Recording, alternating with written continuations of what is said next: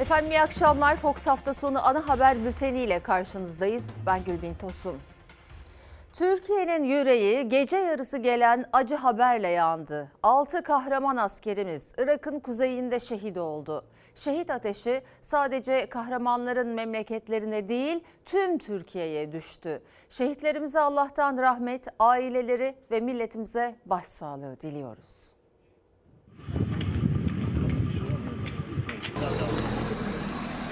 Gecenin karanlığında kor düştü yüreklere. Türkiye 6 vatan evladını şehit verdi teröre. Piyade Teğmen Ramazan Günay, Piyade Uzman Çavuş Mehmet Serinkan, Piyade Uzman Onbaşı İsmail Yazıcı, Piyade Sözleşmeli Erler Yasin Karaca, Çağatay Erenoğlu ve Emre Taşkın. Irak'ın kuzeyinde yürütülen operasyonda teröristlerin saldırısı sonucu şehit oldu. Nasıl diyeceğim ben babam toprak oldu. Bu feryadın yükseldiği ev şehit piyade uzman onbaşı İsmail Yazıcı'nın Zonguldak'taki evi. 31 yaşındaki şehidin eşi 3 aylık hamileydi. Bebeği daha dünyaya gelmeden babasız kaldı. Anne kızım babasız kaldı kimin baba diyecek benim kızım. Her sefer dediğimde ben şehit olacağım. Başka şey. Şehit piyade sözleşmeli Er Çağatay Erenoğlu 2022 yılında yine Irak'ın kuzeyinde girdiği bir çatışmada yaralanmıştı. Tedavi oldu. Yine silah arkadaşlarıyla omuz omuza operasyona çıktı. Onun da geride iki evladı kaldı. Son kez 3 gün önce konuştuğu babası yüreğine düşen evlat acısına rağmen dimdik ayaktaydı. Annesine bana her zaman ben şehit olacağım derim. Ve muradına erdim. Denizlili şehit piyade uzman çavuş Mehmet Serinkan'ın acı haberi de gece ulaştı baba ocağına. 2016 yılında Suriye'nin Elbap bölgesinde vurularak gazi olan Hüseyin Serinkan'ın kardeşiydi. O da abisinin izinden gitmiş asker olmuştu. Teröristlerin saldırısında şehit oldu. Geride acılı bir eş ve iki çocuğunu bıraktı. Bu ülkede bir Mehmet gider, binlerce Mehmet gelir. Şunu unutmasınlar ki bu ülke bölemezler. Şehit piyade teğmen Ramazan Günay'ın İzmir'deki ailesinin kapısını da askerler çaldı gece. Acı haberi onlar verdi şehidin ailesine. Malatyalı şehit piyade sözleşmeli er Emre Taşkın'ın şehadet haberini ise Umre'de aldı annesi babası. Bir yıl önce göreve başlayan şehidin evine, sokağına Türk bayrakları asıldı. Sıvası dökülmüş, duvarları kırık bu evse 23 yaşındaki şehit sözleşmeli piyade er Yasin Karaca'nın Tokat Almus'taki baba ocağı. Acı haberin ulaşmasının ardından askerler Türk bayrağı astı şehidin evine. Türkiye şehitlerini ağlarken Mehmetçik terörle mücadeleye kararlılıkla devam ediyor. Irak'ın kuzeyinde 6 askerin şehit olduğu bölgede 7 terörist etkisiz hale getirildi. Suriye'nin kuzeyinde Fırat Kalkanı bölgesinde yürütülen operasyonlarda 5 terörist öldürüldü. Sayın seyirciler e, şu anda elimize çok acı bir son dakika haberi geldi. Milli Savunma Bakanlığı'ndan bir açıklama. Ne yazık ki Pençe Kilit Harekat Bölgesi'nde 6 askerimiz daha şehit oldu efendim. Tekrar ediyorum yeni çok can yakan bir açıklama Milli Savunma Bakanlığı'ndan gelen bu sefer Pençe Kilit Harekat Bölgesi'nde 6 askerimiz daha şehit oldu. Askerlerimize Allah'tan rahmet ailelerine, yakınlarına, milletimize başsağlığı diliyoruz. Bu akşam başlığımız yok artık. Önümüzdeki yıl Cumhurbaşkanlığı bütçesi günlük 33 milyon lirayı aşacak. Eleştirilere Cumhurbaşkanı Yardımcısı Cevdet Yılmaz'ın cevabına yok artık diyebilirsiniz. Ve gerçekten yok artık. Bir ihbara göre Dilan Polat'ın annesinin mezarı para saklanmış olabileceği düşüncesiyle açılmaya çalışılmış. Sizler de yazabilirsiniz. Biz şimdi siyaset gündemiyle devam edeceğiz. CHP Genel Başkanı Özgür Özel 10 Kasım'da Atatürk fotoğrafını göğsüne takmayan teğmene tepki gösterdiği için görevden uzaklaştırılan 4 teğmene sahip çıktı. Özel, Cumhuriyet'in ilk yıllarında şeriat yanlılarının şehit ettiği As Teğmen Kubilay'ın anma programında verdi mesajlarını.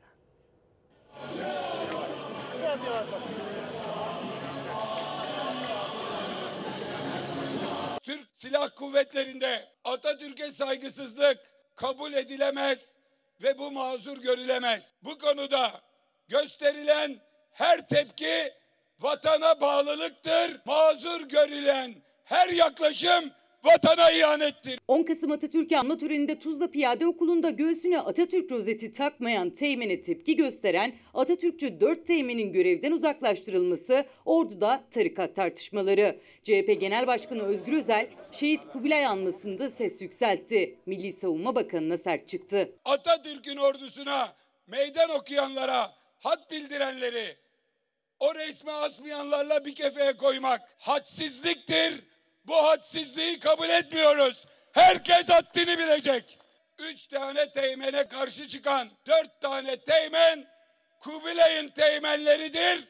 Atatürk'ün teğmenleridir. Özgür Özel devrim şehidi Asteğmen Mustafa Fehmi Kubilay ile Bekçi Hasan ve Bekçi Şevki'nin şeriat isteyenler tarafından şehit edilişinin yıl dönümünde İzmir Menemen'deydi. Anma yürüyüşüne katıldı. Cumhuriyete ve Gazi Mustafa Kemal Atatürk'e isyan bayrağı açtılar. Asteğmen Kubilay görmezden gelmedi. Cumhuriyeti savunmak için direndi. Bazen devrimciler, Atatürkçüler baş eğmek yerine Kubilay gibi baş verirler. Karşı tarafın savunmasını ve müvekkillerimize yöneltilen suçlamaları öğrenmek için soruşturma dosyasını istedik ama alamadık. Talep edilen belgeler verilmediği için savunma yapmamız mümkün değil. Teğmenlerin avukatları soruşturma dosyasına ulaşamadıklarını açıkladı. Teğmenlerin neyle suçlandığı bilinmiyor ama Atatürkçü Teğmen'in Cumhuriyet karşıtı olduklarını şikayet ettik, işlem yapılmadı sözleri ifadesinde yer almıştı. Tarikat ve cemaatlerin orduda yeniden kadrolaştığı iddiası siyasetin gündemine oturdu. Milli Eğitim Bakanı'nın açıklaması da tarikat ve cemaatler tartışmasını alevlendirmişti. Sizin tarikat cemaat dediğiniz,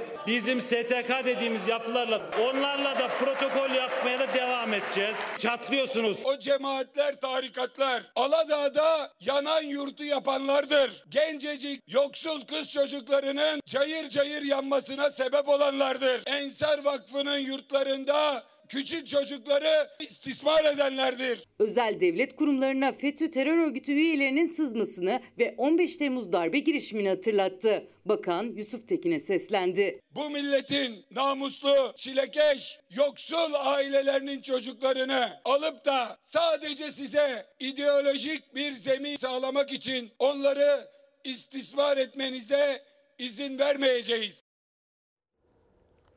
Aslına bakarsanız bilinmiyor muydu efendim? Neredeyse devletin her kurumuna cemaat ve tarikatların sızdığını veya sızdırıldığını. Her ne kadar STK dense de sivil toplum örgütü, dernek ifadeleriyle bir şemsiye yani koruma altında gruplaştıkları biliniyordu tabii. Bu olayın tartışılmaya başlanması çok değerli, üstelik gündemden de düşmemeli.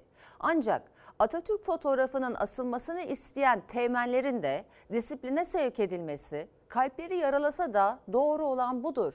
Askerlik emir komuta zinciridir. Her ne kadar daha önce üstlerine bildirdiklerini ifade etmiş olsalar da yapılan yanlıştır. Yani haklı olsalar da haksız yere düşmüşlerdir. Alacaklardaki cezalardaki hakkaniyet önemli ama. Ondan sonra da önemli olan Milli Savunma Bakanı, Genelkurmay Başkanı, Türk Silahlı Kuvvetleri bundan sonra ne yapacak? Bu kanunsuz, anayasaya aykırı, laiklik ilkesine aykırı bir şekilde orduya sızan bu gruplarla ilgili. Amaçlarını anlamak için yakın tarihe bakmak yeterli sanırım. Efendim AK Parti'nin İstanbul, Ankara ve İzmir adaylarının kim olacağı merak edilirken isimler açıklanmadı ama ittifak ortağı MHP ile büyük şehirleri nasıl bölüştükleri netleşti. Cumhur ortaklarının vardığı anlaşmaya göre 28 büyük şehirde MHP aday çıkarmayacak. AK Parti'nin adayını destekleyecek. Bunun karşılığında AK Parti ise Mersin ve Manisa'yı ortağına bıraktı. 31 Mart seçimleri çok önemli. Kritik bir eşik.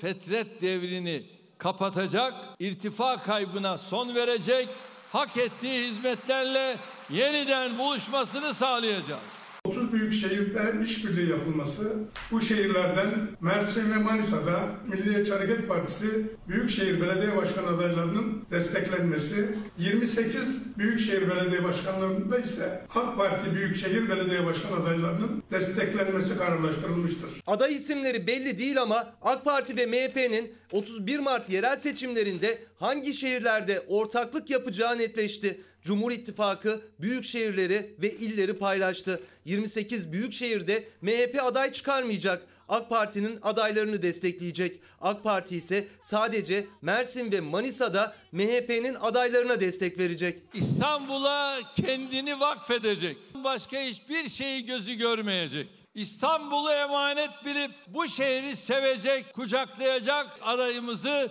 yakında açıklayacağız. Cumhur İttifakı'nın özellikle İstanbul ve Ankara'da adayı kim olacak merak konusu. Aday arayışı sürerken Cumhurbaşkanı Erdoğan İstanbul'a gösterilecek adayın profilini verdi ama isim vermedi. MHP Genel Başkan Yardımcısı Fethi Yıldız illerde de anlaştık dedi. 51 ilin 22'sinde her iki parti ayrı ayrı seçime katılması, geri kalan 29 il merkezinde işbirliği yapılması kararlaştırılmıştır. Alat'ta AK Parti adayının desteklenmesi, Söğüt'te ise Milliyetçi Hareket Partisi adayının desteklenmesi uygun bulunmuştur. AK Parti ve MHP büyük şehirleri ve illeri paylaştı ama isim açıklanmadı. Özellikle AK Parti İstanbul'a aday ararken adaylığı kesinleşen tek isim Ekrem İmamoğlu. Erdoğan mesaisinin büyük bölümünü temayül yoklamalarına ayırıyor. İstanbul için Fahrettin Koca ve Murat Kurum isimleri dışında İçişleri Bakanı Ali Yerlikaya'nın da adı sık dillendiriliyor.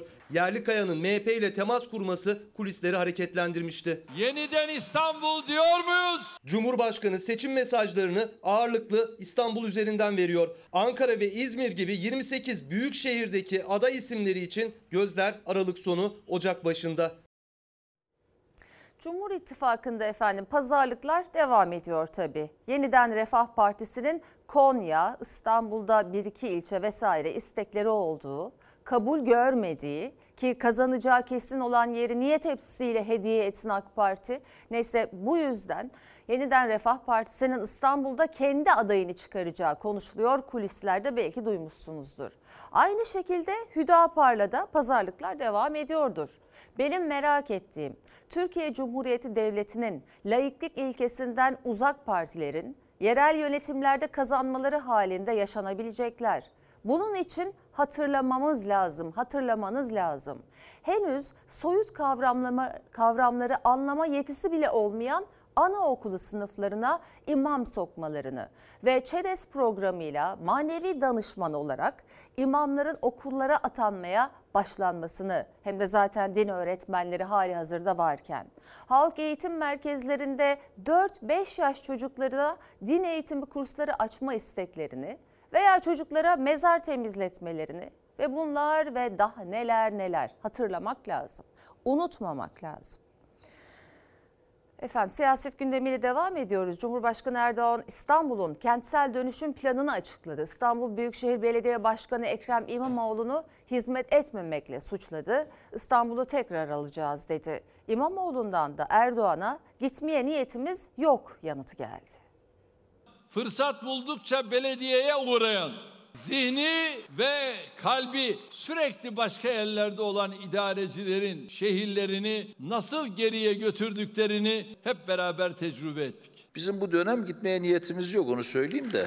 Allah'ın izniyle görevimize daha coşkulu devam edeceğiz. Cumhurbaşkanı Erdoğan'ın İstanbul'da hizmet yok çıkışı, İmamoğlu'nun gitmeye niyetimiz yok açıklaması. AK Parti'nin İstanbul'da İmamoğlu'nun karşısına çıkartacağı adaya çevrilmişken gözler Cumhurbaşkanı İmamoğlu'nu hedef aldı. İmamoğlu da iktidarı. Ben sizin emanetçinizim. Bir kuruşunuza bile sahip çıkan emanetçinizim. Bizim bütçemiz bereketli bütçe. İsrafa, ranta, çarçur etmeye milletin parasını son. Bir kez daha vatandaşlarımızı muhalefetin ransal dönüşüm yalanıyla sabote etmesine kesinlikle izin veremeyiz. Kendileri lüks binalarda yaşarken benim İstanbullu kardeşime dayanıksız, çürük, çirkin yapıları reva görenlere eyvallah edemeyiz. Kanal İstanbul yapacağız diye gecelerini gündüzlerini o işle meşgul edebiliyorlar. Niye? Orada birilerinin arsası var diye. Bırakın milletin işini çözelim hep beraber. Hedefimiz 5 yıl içerisinde İstanbul'da 600 bini acilen olmak üzere toplam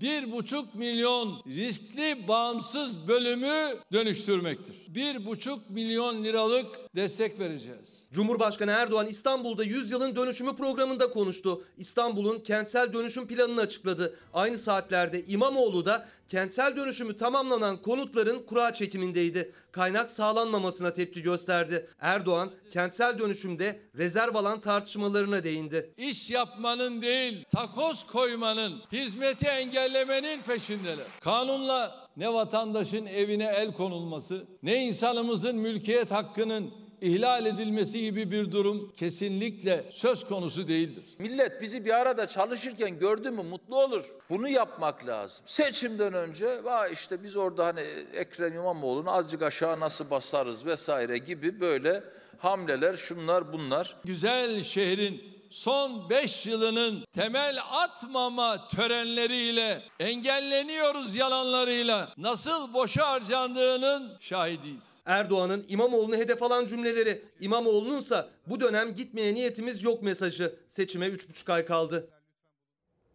Muhalefet 2024 yılında günlük harcaması 33 milyon lirayı aşacak olan Cumhurbaşkanlığı bütçesini eleştirdi. O eleştiriye Cumhurbaşkanı Yardımcısı Cevdet Yılmaz, külliyedeki kütüphanede öğrenciye bedava kek, çay, çorba veriyoruz diyerek yanıt verdi. asgari ücretli günlük 380 lirayla yaşamaya mahkum edilmişken sarayda günlük 33 milyon lira harcayarak itibardan tasarruf etmeyen Recep Tayyip Erdoğan'ın bütçesidir. Millet Kütüphanemizde ziyaretçi ve öğrencilere Cumhurbaşkanlığı bütçesinden kaynak aktarıyoruz. Bu da çok önemli bir yekün tutuyor doğrusu. Çay veriyoruz, çorba veriyoruz, kek veriyoruz. Muhalefet 2024 yılında Cumhurbaşkanlığının günlük harcaması 33 milyonun üzerinde. Bu harcama nereye gidiyor sorusunu sorarken %85 artışla 12 milyar 283 milyon liraya yükselen Cumhurbaşkanlığına ayrılan bütçeye itiraz ederken Cumhurbaşkanı Yardımcısı Cevdet Yılmaz muhalefete dikkat çeken bir yanıt verdi. Cumhurbaşkanlığı kütüphanesinde ziyaretçilere bedava çay, kek, çorba veriyoruz dedi. Çay veriyoruz, çorba veriyoruz, kek veriyoruz. İsterseniz daha detaylı siz de gelin görün ikramları. İşte bir milletvekilimiz sordu. Cumhurbaşkanlığının uçak filosunda kaç uçak var? Cevap verdiler. Gerektiği kadar diye. Bu beyefendi yazdı. Cevdet Yılmaz imzasıyla geldi. Bu parlamentoya bu saygısızca yazıyı gönderdi. Gönderebildi. Şanlıurfa'ya hızlı tren gelecek mi gelmeyecek mi? Ömür beklentinize göre inşallah biz onu karşılamış olacağız Sayın e, Tanal. Benim ömrümle ilgili vesaire lavabolı cevap vermenizi asla kabul etmiyorum ben. Ben Şanlıurfalılar adına söylüyorum. Şanlıurfa'ya hızlı tren gelecek mi gelmeyecek mi? Muhalefet milletvekillerinin sorularına Cumhurbaşkanı Yardımcısının bakanların verdiği cevaplar için parlamentoya saygısızlık diye ses yükseltti. Türkiye'nin gündemine damga vuran fenomenler ve fon dolandırıcılığı da tansiyonu yükseltti. Bu AKP'nin Türkiye yüzyılı. Benim gibilerle ilişkisi yok hanımefendi. Bunlar sizin siyasi akrabalarınız, siyasi akrabalarınız. Bunları siz yarattınız, siz. Bir tane Cumhuriyet Halk Partisi'nin fotoğrafı yok. Ama sizin albümünüz albümünüz. Utanmaz. Bu senin eserin. Ya siyasi bağ olmadan bunları yapması mümkün mü? Dilan Polat'ın, Engin Polat'ın korunması mümkün mü? Veli Baba bu fenomenlerden bir kaynak mı elde ediyor, fon mu elde ediyor bilmiyorum ama bunların reklamını yapmakla yanlış yapıyor. Kim selam vermişse, kim el sıkışmışsa, kimin fotoğrafı varsa, kim kol kola girmişse onun Allah belasını versin. Para veriyorlar seçine. Parayı alamayınca devreye kim giriyor? Cumhurbaşkanı Erdoğan. Sayın Cumhurbaşkanı sen iki tane dolandırıcı arasına niye giriyorsun? Kimin bağı varmış? Bunların altında hepsinde sizin imzanız var. Utanması gereken birileri varsa o da sensin. O da sensin. O da sensin. Ya hakikaten kekliyor musunuz bizi anlamadım ben. Günde 33 milyon lira çocuklara çorba kek ikramiyle mi açıklanır? Alay eder gibi son derece lakayt cevap olmuş. Kusura bakmayın gerçi alıştık ama. Dediğimiz gibi Cumhurbaşkanlığı bütçesi %85 artırıldı. Aynı zammı emekliler de istiyor. Hatta çoğu açlık sınırının da altında yaşadığı için çok da yüksek bir zam oranı talep ediyor. Yeni geldi buyurun. Çıktılar yeni geldi buyurun. Emekli maaşı 7500 lira şu anda 4000 liraya geldi. Zaten 6. ay zam yapılmadı. E 4 bin lira ne yaparsın? Yetmediği için de mecburiyete çalışıyoruz. Buyurun. Yeni geldi bayağı. Kaç sene oldu emekli olalı? 15 sene oldu da karın doymuyor. Emekliye ne kadar zam gelir? Hiçbir şey gelince 10 lira zam. 10 lira dön nedir yani? Cumhurbaşkanlığı bütçesinin %85 arttırılması gerçek enflasyonu gösterir. Herkese o kadar zam vermeleri lazım. Maaşları yetmediği için çalışmaya devam ediyor çoğu emekli. Gözleri yeni yılda maaşlarının ne kadar olacağında. %85 oranında artırılan Cumhurbaşkanlığı bütçesi gibi onlar da en az %85 zam istiyor. O oranda zam demek en düşük emekli maaşının 13.875 liraya yükselmesi demek. Emekli sendikalarına göre ise bu maaş bile yetersiz. En düşük emekli kök maaşı 18.500 TL olmasını, bu rakamın üstündeki maaşlara da %60 zam istiyoruz.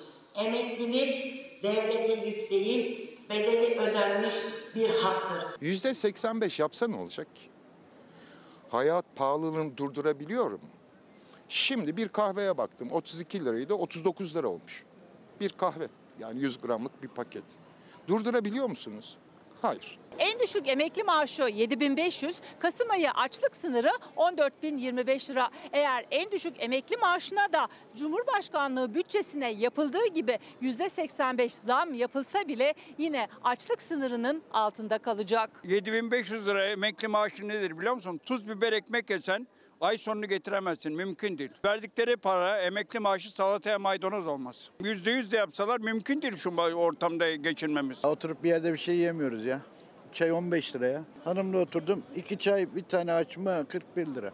Burada oturuyorsunuz meydanda. vallahi burada Bankta. oturuyorum. Vaktini bankta geçiriyor emekli. Çocuklarının yanına taşınıyor çoğu. Maaşlarına geçinebilecekleri bir zam istiyorlar.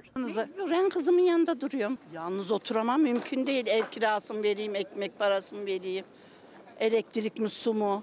Ay yani mümkün değil. Felaket bir sıkıntı, stres böyle günlerimiz geçiyor. Benim istediğim yani hiç değilse şöyle oh deyip de bir nefes alalım. Onu bile alamıyoruz.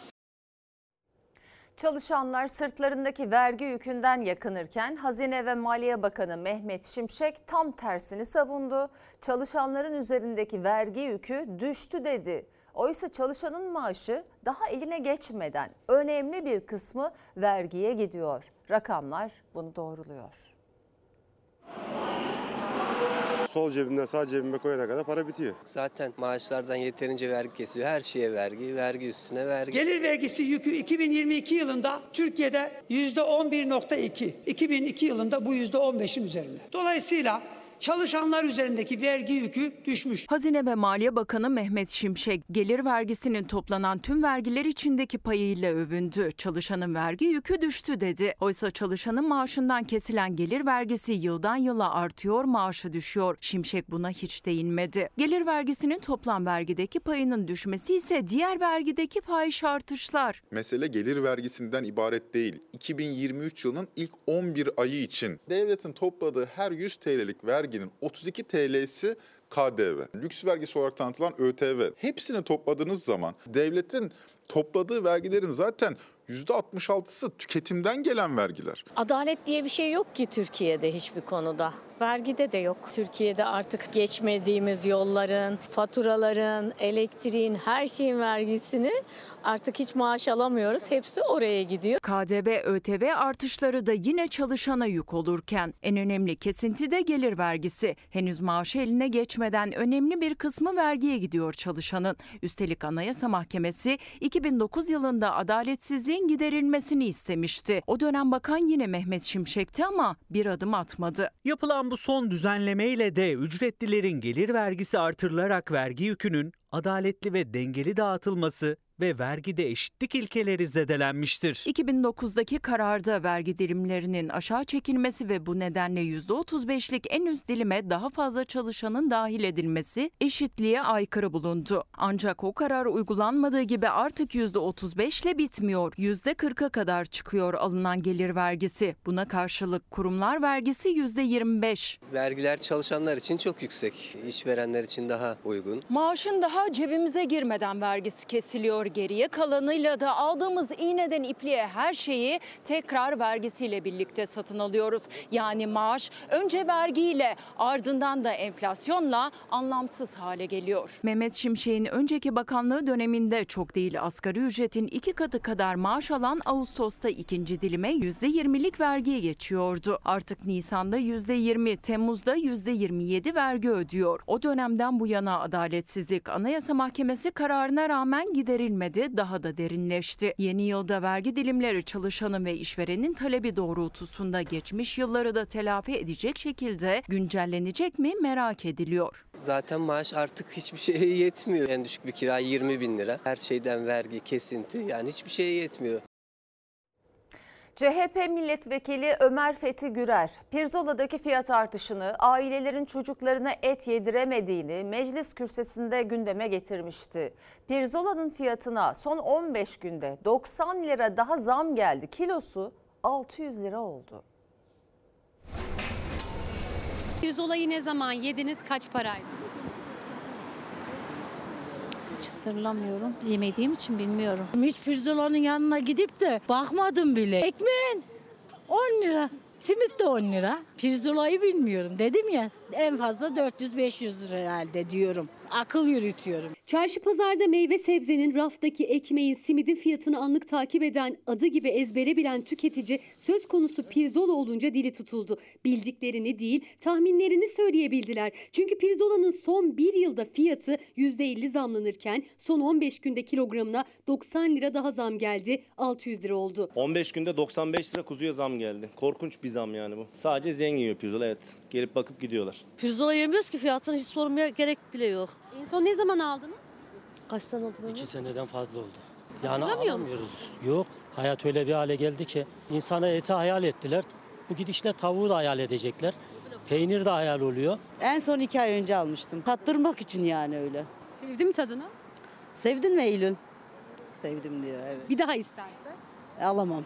Kimi çocuğu için tadımlık alabilse de bir sonrası için ihtimal dahi veremiyor. Zaten çoğunluk da son yaptığı alışverişi de hatırlamıyor. Asgari ücret veya emekli maaşıyla alabilmenin de imkansızlığını anlatıyor. CHP'li Fethi Gürer elinde pirzola meclis kürsüsünde gündeme getirmişti. Bu elimde gördüğünüz fakirin, fukaranın, garibin, kurabanın artık rüyasında gördüğü pirzola. 2002 yılında etin kilosu 8 lira, pirzola 11 liraydı. Bugün gittik sabah bir pirzola alalım dedik. 90 gram pirzola 43 lira. Geçen yıl ne kadardı? 400 civarıydı hocam ya. Görüntüsüyle ağız sulandırsa da fiyatı cep yakıyor. Dar, orta gelirli vatandaşlar artık fiyatını dahi takip edemiyor pirzolanın. Kasapta kilogram fiyatı 600 liradan satılan pirzolanın bir restoranda 300 gramlık bir porsiyonuysa 380 liradan satılıyor. Maalesef pirzola dediğiniz şey bize çok lüks geliyor şu anda. Çocuğunuz kaç yaşında ve hiç pirzola yedi mi? Yani toplasak bir iki sefer anca yemiştir 8 yaşına kadar. Biz kendi geçimimizi şu an millet olaraktan çok zor yapıyoruz. Tüketici tadını da adını da unutmaya yüz tuttu pirzolanın. Fatura, kira, market, pazar masraflarına güç yetirememekten şikayetçi. Kimse kimseyi kandırmasın. Eskiden benim evime en kötü ihtimalle günde yarım kilo et alıyordum. Pirzolayı da alıyordum. Ha eşim şahit. Ve asgari ücretten çalışıyordum. Ya şimdi eti ancak kedinin ciğeri seyrettiği gibi ancak cam mekana bakarak seyrediyoruz ya. Dilan Polat'ın annesinin mezarı hırsızların hedefi oldu. Genç yaşta cinayete kurban giden Nihal Ayhan'ın Batman'daki mezarı kimliği belirsiz kişiler tarafından kazıldı. Belki şu hayatı bir gün benim yerime yaşamak istersiniz değil mi? Bence hiç istemeyin, hiç kolay değil. Kafamı koyduğum zaman hep yıldızlara bakıp şey derdim. Annem bir gün ölürse ne yaparım? Bir gecede babam annemi öldürdü ve bütün hayatımız bitti. Batman'dan gelen haber ve görüntülere göre kimliği belirsiz kişiler müvekkil Dilan Polat'ın annesinin mezarını kazmışlar. İşi mezarlıklara kadar götürdüler. Lüks yaşamı ve gösterişli paylaşımlarıyla sosyal medyada milyonlarca takipçiye erişen Dilan Polat kara para aklama başta olmak üzere çok sayıda suçlamayla cezaevinde. Hırsızlar Dilan Polat'ın 22 yıl önce yaşamını yitiren annesinin mezarını hedef aldı. Gece yarısı iddiaya göre para gömülmüş olabileceğini düşünen hırsızlar mezarı açmaya çalıştı. Fark edilince kaçtılar. Benim babam e, rahatsızdı, beyninde tümör vardı. Annemi öldürdü. Saadet teyze annemin sırtını çevirdi. Orada Yedi tane kurşun saydım orada.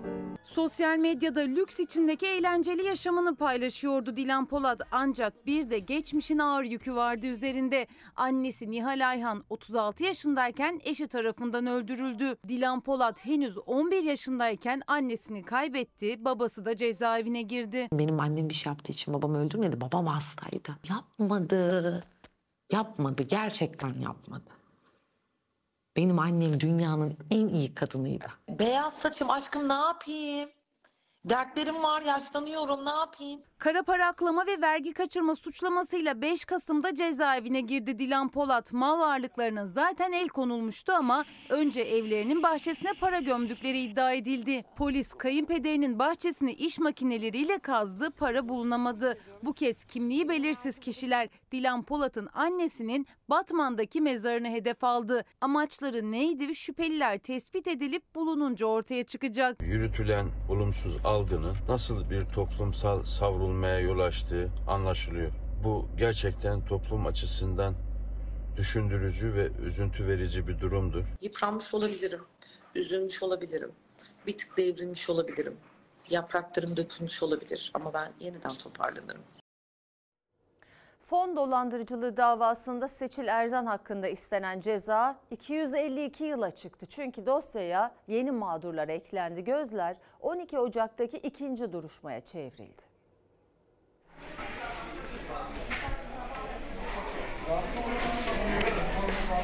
Bu nasıl bir sistem? Anlayamıyorum. Başka bir şeyde mi kullanıyorsun bu parayı dediğimde olur mu Nuray abla? Ben sana öyle bir şey yapar mıyım? Diye cevap verdi.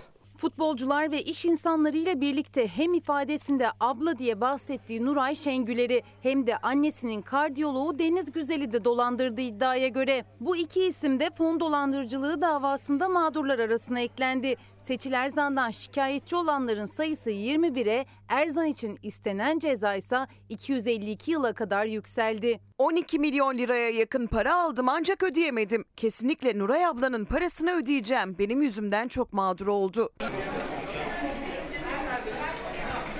Milyonlarca dolarlık vurgunun odağındaki isim Seçil Erzan fon dolandırıcılığı dosyasının ana davasının ilk duruşmasında mağdur sayısı 18'di. 12 Ocak'taki ikinci duruşmaya haftalar kala şikayetçilerin sayısı 21'e çıktı. Dolandırıldığını iddia eden isimlerden biri de Seçil Erzan'ın annesinin kardiyoloğu Deniz Güzel. Deniz Güzel annemin kardiyoloji doktorudur. Deniz Güzel bana parayı değerlendirmem için vermiştir. Açıklama yazıyoruz değil mi? Tarla bedeli yazıyoruz açıklamaya da. Evet, tarla ücreti. Evet, evet. Fox Haber'in ulaştığı Deniz Güzel'in dava dosyasına da giren bu kaydı bir banka çalışanıyla görüşmesinden yüklü miktarda döviz çekmesinin sebebi olarak tarla alacağını söyledi. Seçil Erzan fonun gizli olduğunu söylediği için Deniz Güzel davanın diğer şüpheli ismi Nazlıcan'ın hesabına gönderdiği paranın açıklamasına da tarla bedeli diye yazdı. Denizbank işte bu açıklama notu nedeniyle sorumluluğu kabul etmedi. Ödeme yapamayız dedi. Kardiyolog Deniz Güzel Seçil Erzan'dan şikayetçi oldu. Seçil Erzan'a iletmesi için Nazlıcan'ın hesabına 125 bin dolar gönderdim. Seçil bu parayla yüksek getirili fon alacağını söylemişti. Fakat parayı gönderdiğim tarihten itibaren hiçbir ödeme yapmadı. Mağdurum. Yıllardır çalıştığım Denizbank şubesi, oranın müdürü ve imzalı kaşeli bana şeyler veriyor. Hiç aklıma bile gelmedi benim başka türlü bir şey. Mağdur olduğunu söyleyen bir diğer isim de tüm birikimini Erzan'a verip geri alamayan Nuray Şengüler. O da ilk kez ve sadece Fox Haber'e konuşmuştu. Yaklaşık 12 milyon lira dolandırıldığını anlatmıştı. Toplam 21 mağdur ulaşan davada Seçil Erzan artık 252 yıla kadar hapis cezası talebiyle karşı karşıya. Mağdur sayısı arttıkça istenen ceza da artıyor. Hocamın bana getirdiği platin bolluk bilinci uygulamasını aktif ediyorum. Bu notun alt alta yazıldığı kağıtlarda Seçil Erzan'ın bankadaki çekmecesinde bulundu. Pozitif enerji verdiğine inanılan rakamlar ve notların da bulunduğu bu kağıtlar banka tarafından gönderilen dosyaların arasına eklendi. Çok rica ediyorum onların senetlerine ilgili lütfen hiçbir şey yapma. İstanbul Sultan Gazi'de 20 saat arayla yaşanan iki saldırıda bir kişi öldü, bir kişi yaralandı. Ortak noktalar ve bağlantılar üzerinden iki saldırının da izi sürülüyor.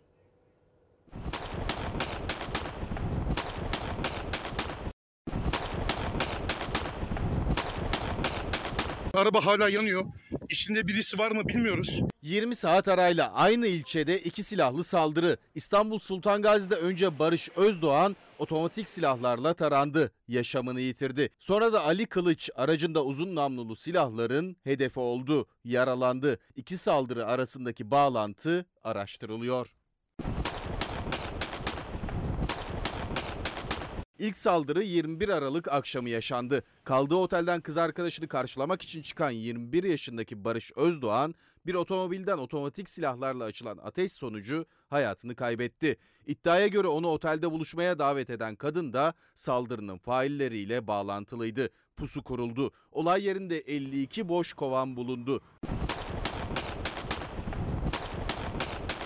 20 saat sonra yine Sultan Gazi'de uzun namlulu silahlar bir kez daha sahnedeydi. Bu kez hedefte içinde CHP Sultan Gazi Gençlik Kolları Başkan Vekili Ali Kılıç'ın ve Murat Yıldırım'ın olduğu araç vardı. Lüks otomobilden araca ateş açıldı. Ali Kılıç aracıyla geriye doğru hamle yaptı ama kaçamadı. Ticari taksiyle geldiler. Silah sesleri oldu. Yetişemedik. Bilmiyorum arabanın içinde birisi var mı? Ama iki şarjör silah boşalttılar. Sonra arabayı yakıp kaçtılar. Saldırıda yaralanan Ali Kılıç hastanede tedavi altına alınırken birkaç saat sonra Arnavutköy'de o saldırıda kullanılan araç alev alev yanarken bulundu. Hala yanıyor. İçinde birisi var mı bilmiyoruz. İtfaiyeyi aradık. Yanan aracın plakası bu. Plakayı söktüm arabadan yanarken.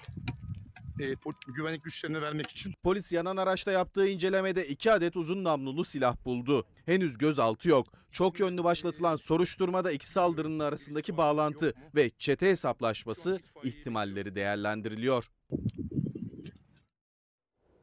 Kış aylarının vazgeçilmez lezzeti kestane artık lüks oldu. Geçen seneye kıyasla fiyatı ikiye katlanan kestane hem pazar tezgahında hem de sokakta kestane kebap tezgahlarında cep yakıyor. Ucuzuna yönelen tüketiciyi Çin kestanesi tehlikesi bekliyor. Kestane sevap, yemesi sevap. Kaç liradan başlıyor, kaç liraya çıkıyor? 120'den başlıyor, 200'e kadar var. Geçen sene 100 gram 30 liradan satıyorduk. Bu sene 100 gramı 50 lira yaptık. Geçen sene daha iyiydi satışlarımız.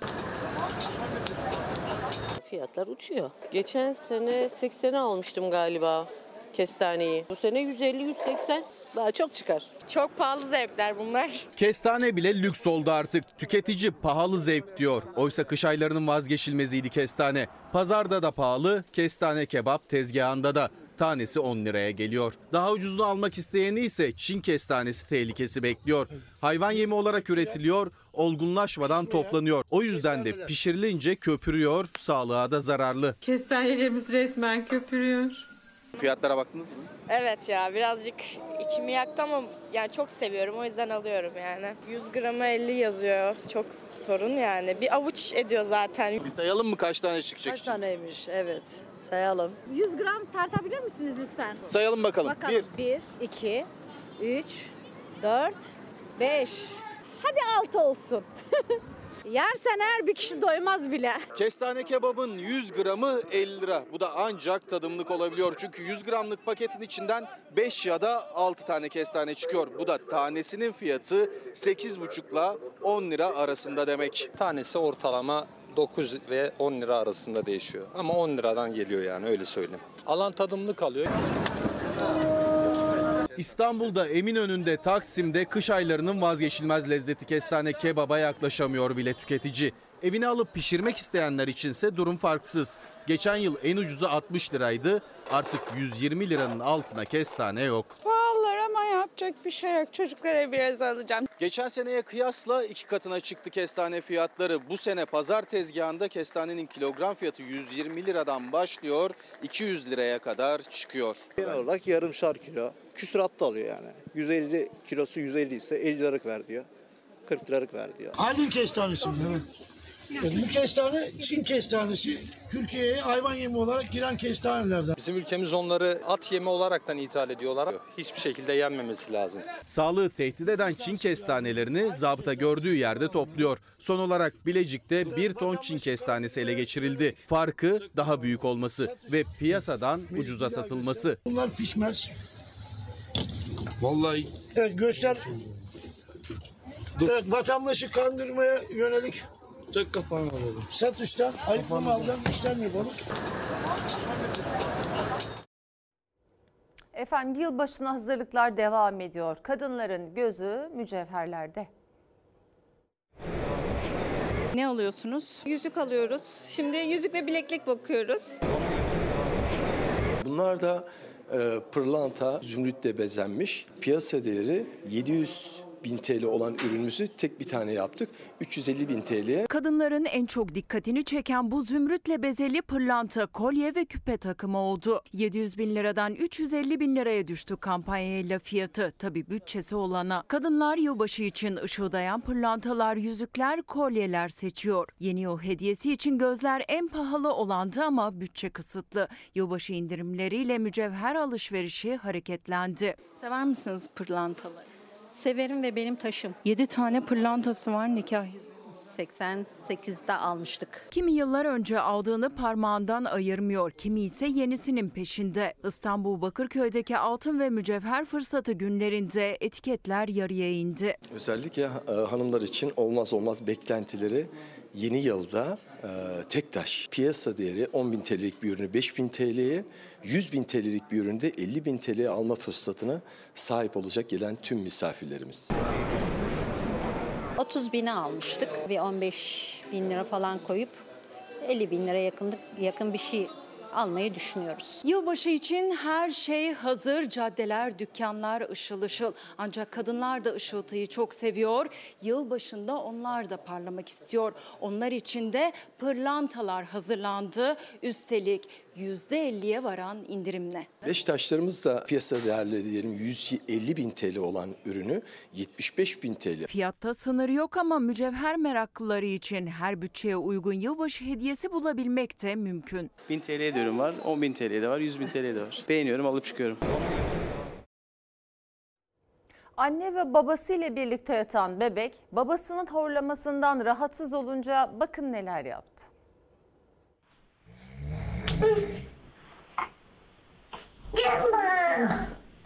Babasının horlamasına dayanamadı. Yattığı yerden kalkıp babasını tokatladı. Annesini kahkahaya boğdu.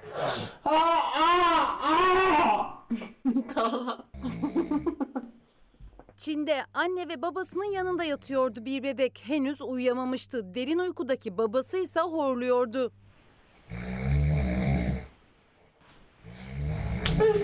Bebek horlama sesinden rahatsız oldu. Doğrulup babasına yaklaştı, onun yüzüne vurdu. Sonra dönüp annesinin yanına yattı.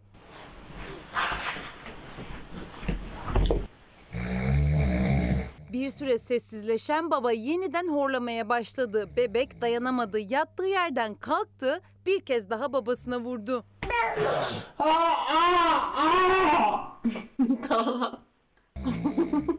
Kendisini tutamayan anne gülmeye başladı. Sonra da büyük ilgi çeken görüntüleri sosyal medyada yayınladı. LÖSEV bu yılda geleneği bozmadı. Yeni yılı tedavisi süren ve sona eren çocuklarla birlikte bir yılbaşı balosu ile kutladı. Çocuklar birbirlerine umut oldu. Yeni yıl dileğini yazdın mı? Evet yazdım. Ne yazdın? Bilgisayar bir de sağlık. Peki ağaca astın mı dileğini? Evet astım. Başka ne dileğin var yeni yılda?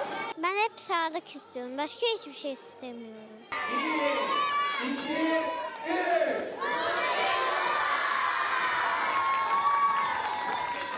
Oynadılar, dans ettiler, şarkılar söylediler. Hep birlikte pasta kesip coşku içinde karşıladılar yeni yılı. Lösemiyi yenen ve tedavisi devam eden çocuklar birbirlerine moral verdi. Yeni bir bilgisayarım olması, yeni bir ailemle yeni bir yıla girmem. Voleybola gittiğim için voleybol topu yazdım. Ben bisiklet yazdım.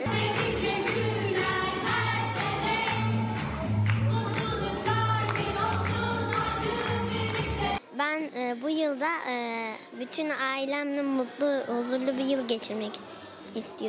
Biz LÖSEV olarak tüm hastaneleri ziyaret ederek onlara yeni yıl hediyelerini ulaştırdık ve birçok ilimizde yeni yıl kutlamalarıyla onların yanındayız.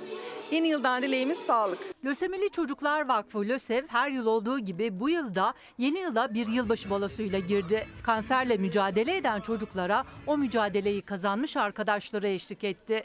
Umut oldular birbirlerine. Çok mutluyum. İyi ki de sevdiğim bir şey var. Yeni yıllar mutluluk, huzur, savaşsız bir gün. Dilekleri ortaktı çocukların. Mutluluk ve sağlık. Dünya çocuklarını da unutmadılar. Çok heyecanlıyım. İnşallah güzel bir yıl olur. Ee, çocukların ölmediği, savaşın olmadığı güzel bir yıl olur. Efendim bültene çok acı bir haberle başlamıştık. Irak'ın kuzeyinde 6 şehidimiz olduğunu aktarmıştık. Çok süre geçmeden daha sonra öğrendik Pençe Kilit Harekat Bölgesi'nde de 6 askerimiz daha şehit oldu. İçimiz kan ağlıyor gerçekten. Şehitlerimize Allah'tan rahmet diliyoruz. Son 24 saatte 12 şehit verdik. Ailelerine, yakınlarına ve milletimize başsağlığı dileyerek araya gidiyoruz. Efendim Fox ana haber bültenini burada noktalıyoruz. Fox'ta yayın dizimiz Adım Farah'ın yeni bölümüyle devam edecek. İyi bir akşam geçirmenizi diliyoruz. Hoşçakalın. Dostuma her köşesi cennetin ezilir yerler için bir baş